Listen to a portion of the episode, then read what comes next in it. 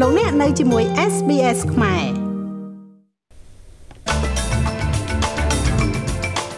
រដ្ឋមន្ត្រីថ្មីរបស់បក Labor បានស្បត់ចូលកាន់តំណែងនៅវិមានរដ្ឋាភិបាលនៅព្រឹកនេះដោយមានរដ្ឋមន្ត្រីជាស្ត្រីចំនួន13រូបកំណើនសេដ្ឋកិច្ចអូស្ត្រាលីបានកើនឡើងយឺតនៅដើមឆ្នាំ2022នេះច្បាប់ទាមទារឲ្យមានការបញ្ជាក់អះអាងចំពោះការយល់ព្រមផ្លូវភេទចូលជាធរមាននៅក្នុងរដ្ឋ New South Wales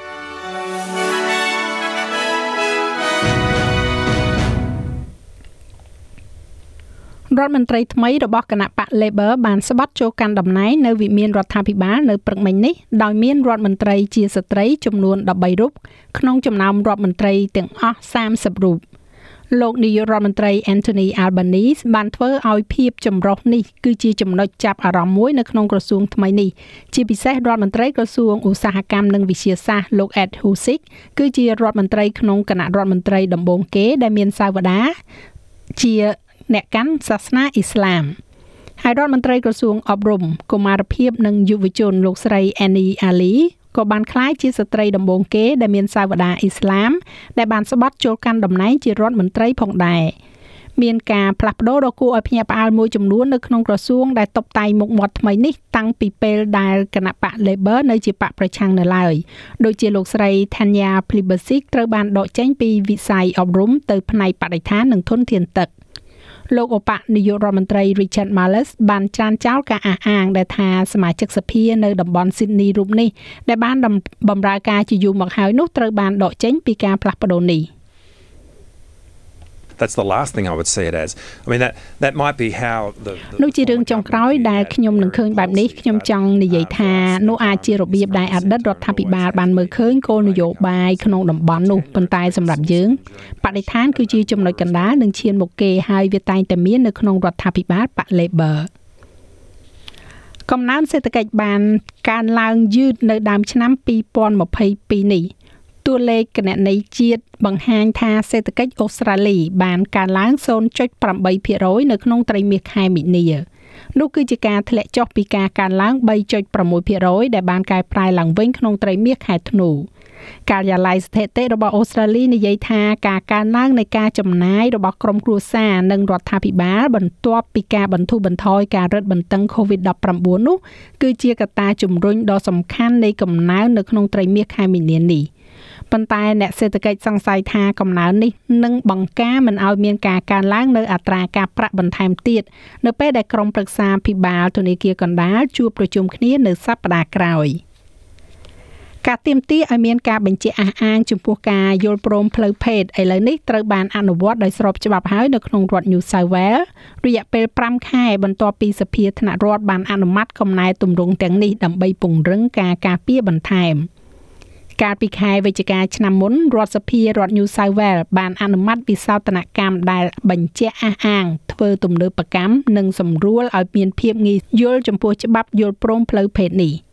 ច្បាប់ថ្មីនេះកំណត់ថាការយល់ព្រមជាកិច្ចព្រមព្រៀងដោយសេរីនិងដោយស្ម័គ្រចិត្តដែលមិនអាចធ្វើការសន្មត់បានហើយពាក់ព័ន្ធទៅនឹងការទំនាក់ទំនងគ្នាទៅវិញទៅមកជាបន្តបន្ទាប់ ច្បាប់នេះក៏បានបញ្ជាក់ថាប្រសិនបើមនុស្សម្នាក់យល់ព្រមចំពោះទង្វើផ្លូវភេទមួយនោះមិនមែនមានន័យថាពួកគេបានយល់ព្រមចំពោះទង្វើផ្លូវភេទផ្សេងទៀតនោះទេវិសោធនកម្មនេះបញ្ជាក់ច្បាស់ថាបុគ្គលដែលកេងលងលក់សន្លប់ឬក៏ស្រវឹងមិនអាចធ្វើការយល់ព្រមបានទេ ដោយរដ្ឋាភិបាលបានកំណត់ចេញនៅទិសដៅថ្មីដល់ចៅក្រមដែលពាក់ព័ន្ធនឹងការកាត់ក្តីការរំលោភបំពាន។ ថ្ងៃដំបូងនៃរដូវរងាបាននាំមកនៅអាកាសធាតុដ៏ត្រជាក់បំផុតក្នុងឆ្នាំនេះដោយមានខ្យល់ត្រជាក់ដូចទឹកកកបក់ចេញពីរដ្ឋ New South Wales និង ACT ធ្វើឲ្យត្រជាក់ញញាក់និងធ្លាក់ព្រិលនៅតំបន់ខ្លះប្រព័ន្ធសម្ពាធទាបនៅលើសមុទ្រ Tasman ភាគអាគ្នេយ៍ប្រទេសកំពុងតែនាំមកនៅខ្យល់ត្រជាក់ខ្លាំងនិងបក់បោកពីពេញរដ្ឋ New South Wales ដោយមានព្រិលធ្លាក់នៅក្នុងទីក្រុង Central Tableland នៃតំបន់ Blaney Bathurst Oberon និងភាគខាងលិចនៃ Lygov ក៏ដូចជាជួរភ្នំភាគខាងត្បូងផងដែរសេតនភាពធ្លាក់ចុះក៏នាំព្រិលធ្លាក់មកដល់រដ្ឋធានីទីក្រុង Canberra របស់ប្រទេសនេះទៀតការិយាល័យឧតុនិយមបាននិយាយថាស្ថានភាពខ្យល់បក់ខ្លាំងនិងត្រជាក់ខ្លាំងនេះទំនងជានៅតែបន្តកើតមានពេញមួយថ្ងៃដោយសារប្រព័ន្ធសម្ពាធខ្ពស់មួយរំកិលផ្លាស់ទីលើផ្នែកខាងលិចនៃរដ្ឋនេះ។ យើងក៏លេខមើលព័ត៌មានអន្តរជាតិវិញ ប្រធានាធិបតីអ៊ុយក្រែនលោក Volodymyr Zelensky បានថ្លែងអំណរគុណដល់សហភាពអឺរ៉ុបសម្រាប់ការហាមឃាត់ការនាំចូលប្រេងស្ទើរតែទាំងស្រុងពីប្រទេសរុស្ស៊ី។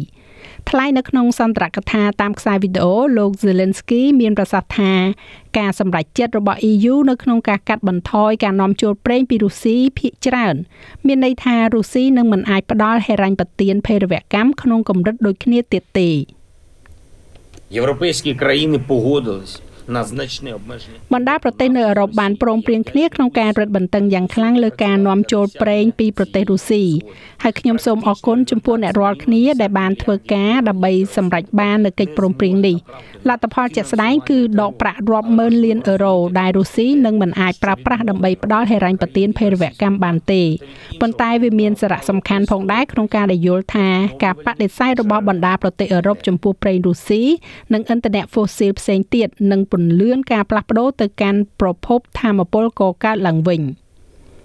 លោកប្រធានាធិបតី Zelensky បានបន្ថែមទៀតថាលោកនឹងជំរុញឲ្យមានការដាក់ទណ្ឌកម្មបន្ថែមទៀត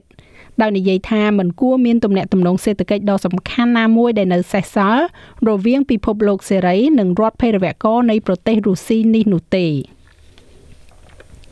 ចំពេលដែលភាពតានតឹងកើនឡើងខ្លាំងជំវិញការបាញ់ប្រហារនៅសាលារៀនមួយកន្លែងក្នុងរដ្ឋតិចសាសកាលពីសប្តាហ៍មុននោះ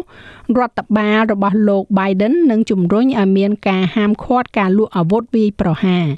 ទោះបីជាយ៉ាងណាក៏ដោយសេតវិមានបានដកថយពីការគ្រប់គ្រងដល់ការហាម5លើការលក់កំភ្លើងដៃទាំងអស់បន្ទាប់ពីមានការសម្រេចចិត្តរបស់ប្រទេសកាណាដាដែលនៅជិតខាងនោះក្នុងការដាក់បង្កកលើការនាំចូលការទិញឬក៏លក់វា។ លេខាធិការសារព័ត៌មាននៃសេតវិមានដែលទៅតែតែងតាំងថ្មីលោកស្រី Karen Jean-Pierre មានប្រសាសន៍ថាលោកប្រធានាធិបតី Joe Biden នឹងមិនគ្រប់គ្រងការហាមឃាត់ដែលរារាំងយ៉ាងតឹងរឹងលើកម្មសិទ្ធិកំភ្លើងរបស់អាមេរិកនោះទេ។ We'll leave it up to other countries uh, to set their policy on gun យើងនឹងទុកវារហូតដល់ប្រទេសផ្សេងទៀតកំណត់គោលនយោបាយរបស់ពួកគេលើភាពជាម្ចាស់កំភ្លើងលោកប្រធានាធិបតីបានបង្ហាញជំហរយ៉ាងច្បាស់របស់លោកសហរដ្ឋអាមេរិកត្រូវតែធ្វើដោយដែលខ្ញុំទើបតែបានដាក់ចេញលោកគ្រប់គ្រងការហាម5លើការលក់អាវុធវាយប្រហារនិងឡតដែលមានសមត្ថភាពខ្ពស់និងពង្រីកការត្រួតពិនិត្យប្រវត្តិរូបដើម្បីរក្សាកំភ្លើងឲ្យនៅផុតពីដៃបុគ្គលដ៏គ្រោះថ្នាក់លោកមិនគ្រប់គ្រងការហាមឃាត់មិនឲ្យលក់កំភ្លើងដៃគ្រប់ប្រភេទនោះទេនៅក្នុងប្រទេសកម្ពុជាវិញប្រធានគណៈកម្មាធិការជាតិរៀបចំការបោះឆ្នោតកោជបបានអំពាវនាវឲ្យប្រជាពលរដ្ឋខ្មែរដែលមានឈ្មោះក្នុងបញ្ជីបោះឆ្នោតផ្លូវការទាំងអស់ទៅបោះឆ្នោតនៅតាមការិយាល័យបោះឆ្នោតតាមការបរិច្ឆេទ ការអំពាវនាវរបស់លោកប្រាច័ន្ទបានធ្វើឡើងខណៈដែលការបោះឆ្នោតជ្រើសរើសក្រុមប្រឹក្សាឃុំសង្កាត់អាណត្តិទី5នៅសល់ត្រឹមតែប្រមាណថ្ងៃទៀតប៉ុណ្ណោះគឺនៅថ្ងៃអាទិត្យទី5ខែមិថុនាឆ្នាំ2022ខាងមុខនេះសូមប្រជាពលរដ្ឋដែលមានឈ្មោះក្នុងបញ្ជីបោះឆ្នោតឆ្នាំ2021ទាំងអស់ត្រៀមខ្លួន និងត្រៀមអត្តសញ្ញាណប័ណ្ណសញ្ជាតិខ្មែរដែលមានសុពលភាព ឬឯកសារបញ្ជាក់អត្តសញ្ញាណបម្រើឲ្យការបោះឆ្នោត ដើម្បីចូលរួមបោះឆ្នោត នៅថ្ងៃបោះឆ្នោតឲ្យបានគ្រប់គ្រប់គ្នាចាស់លោកមេងផាឡានឹងជួនសេចក្តីរាយការណ៍លម្អិតនៅវគ្គក្រោយបន្ថែមទៀតឬលោកអ្នកអាចចូលស្ដាប់របាយការណ៍ពេញលើគេហទំព័ររបស់យើងនោះគឺ sps.com.au/ ខ្មែរ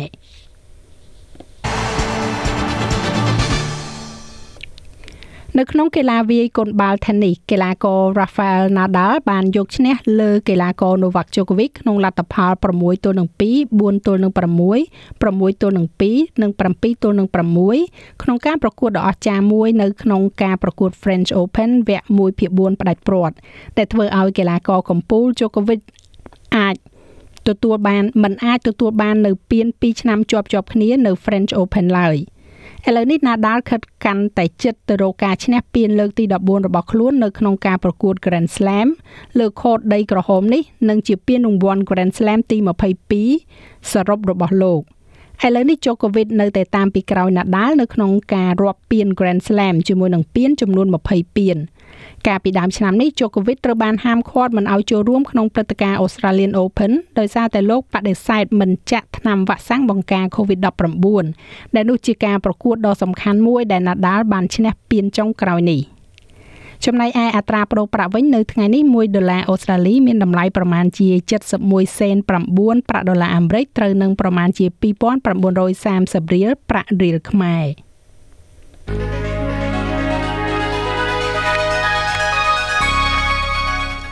ឥឡូវយើងក៏លេខមកមើលការព្យាករណ៍អាកាសធាតុសម្រាប់ថ្ងៃប្រហ័សស្អែកនេះវិញទីក្រុងផឺតរលឹមបន្តិចបន្តួច20អង្សា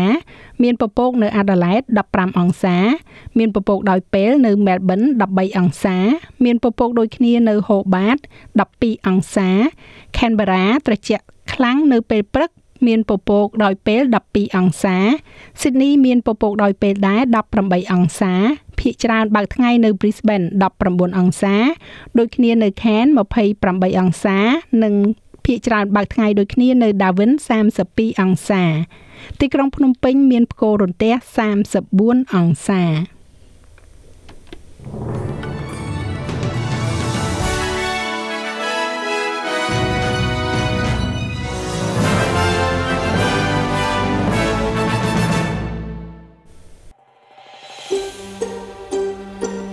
ចង់ស្ដាប់រឿងរ៉ាវបែបនេះបន្ថែមទៀតទេ ស្ដាប់នៅលើ Apple Podcast Google Podcast Spotify ឬកម្មវិធីដទៃទៀតដែលលោកអ្នកមាន។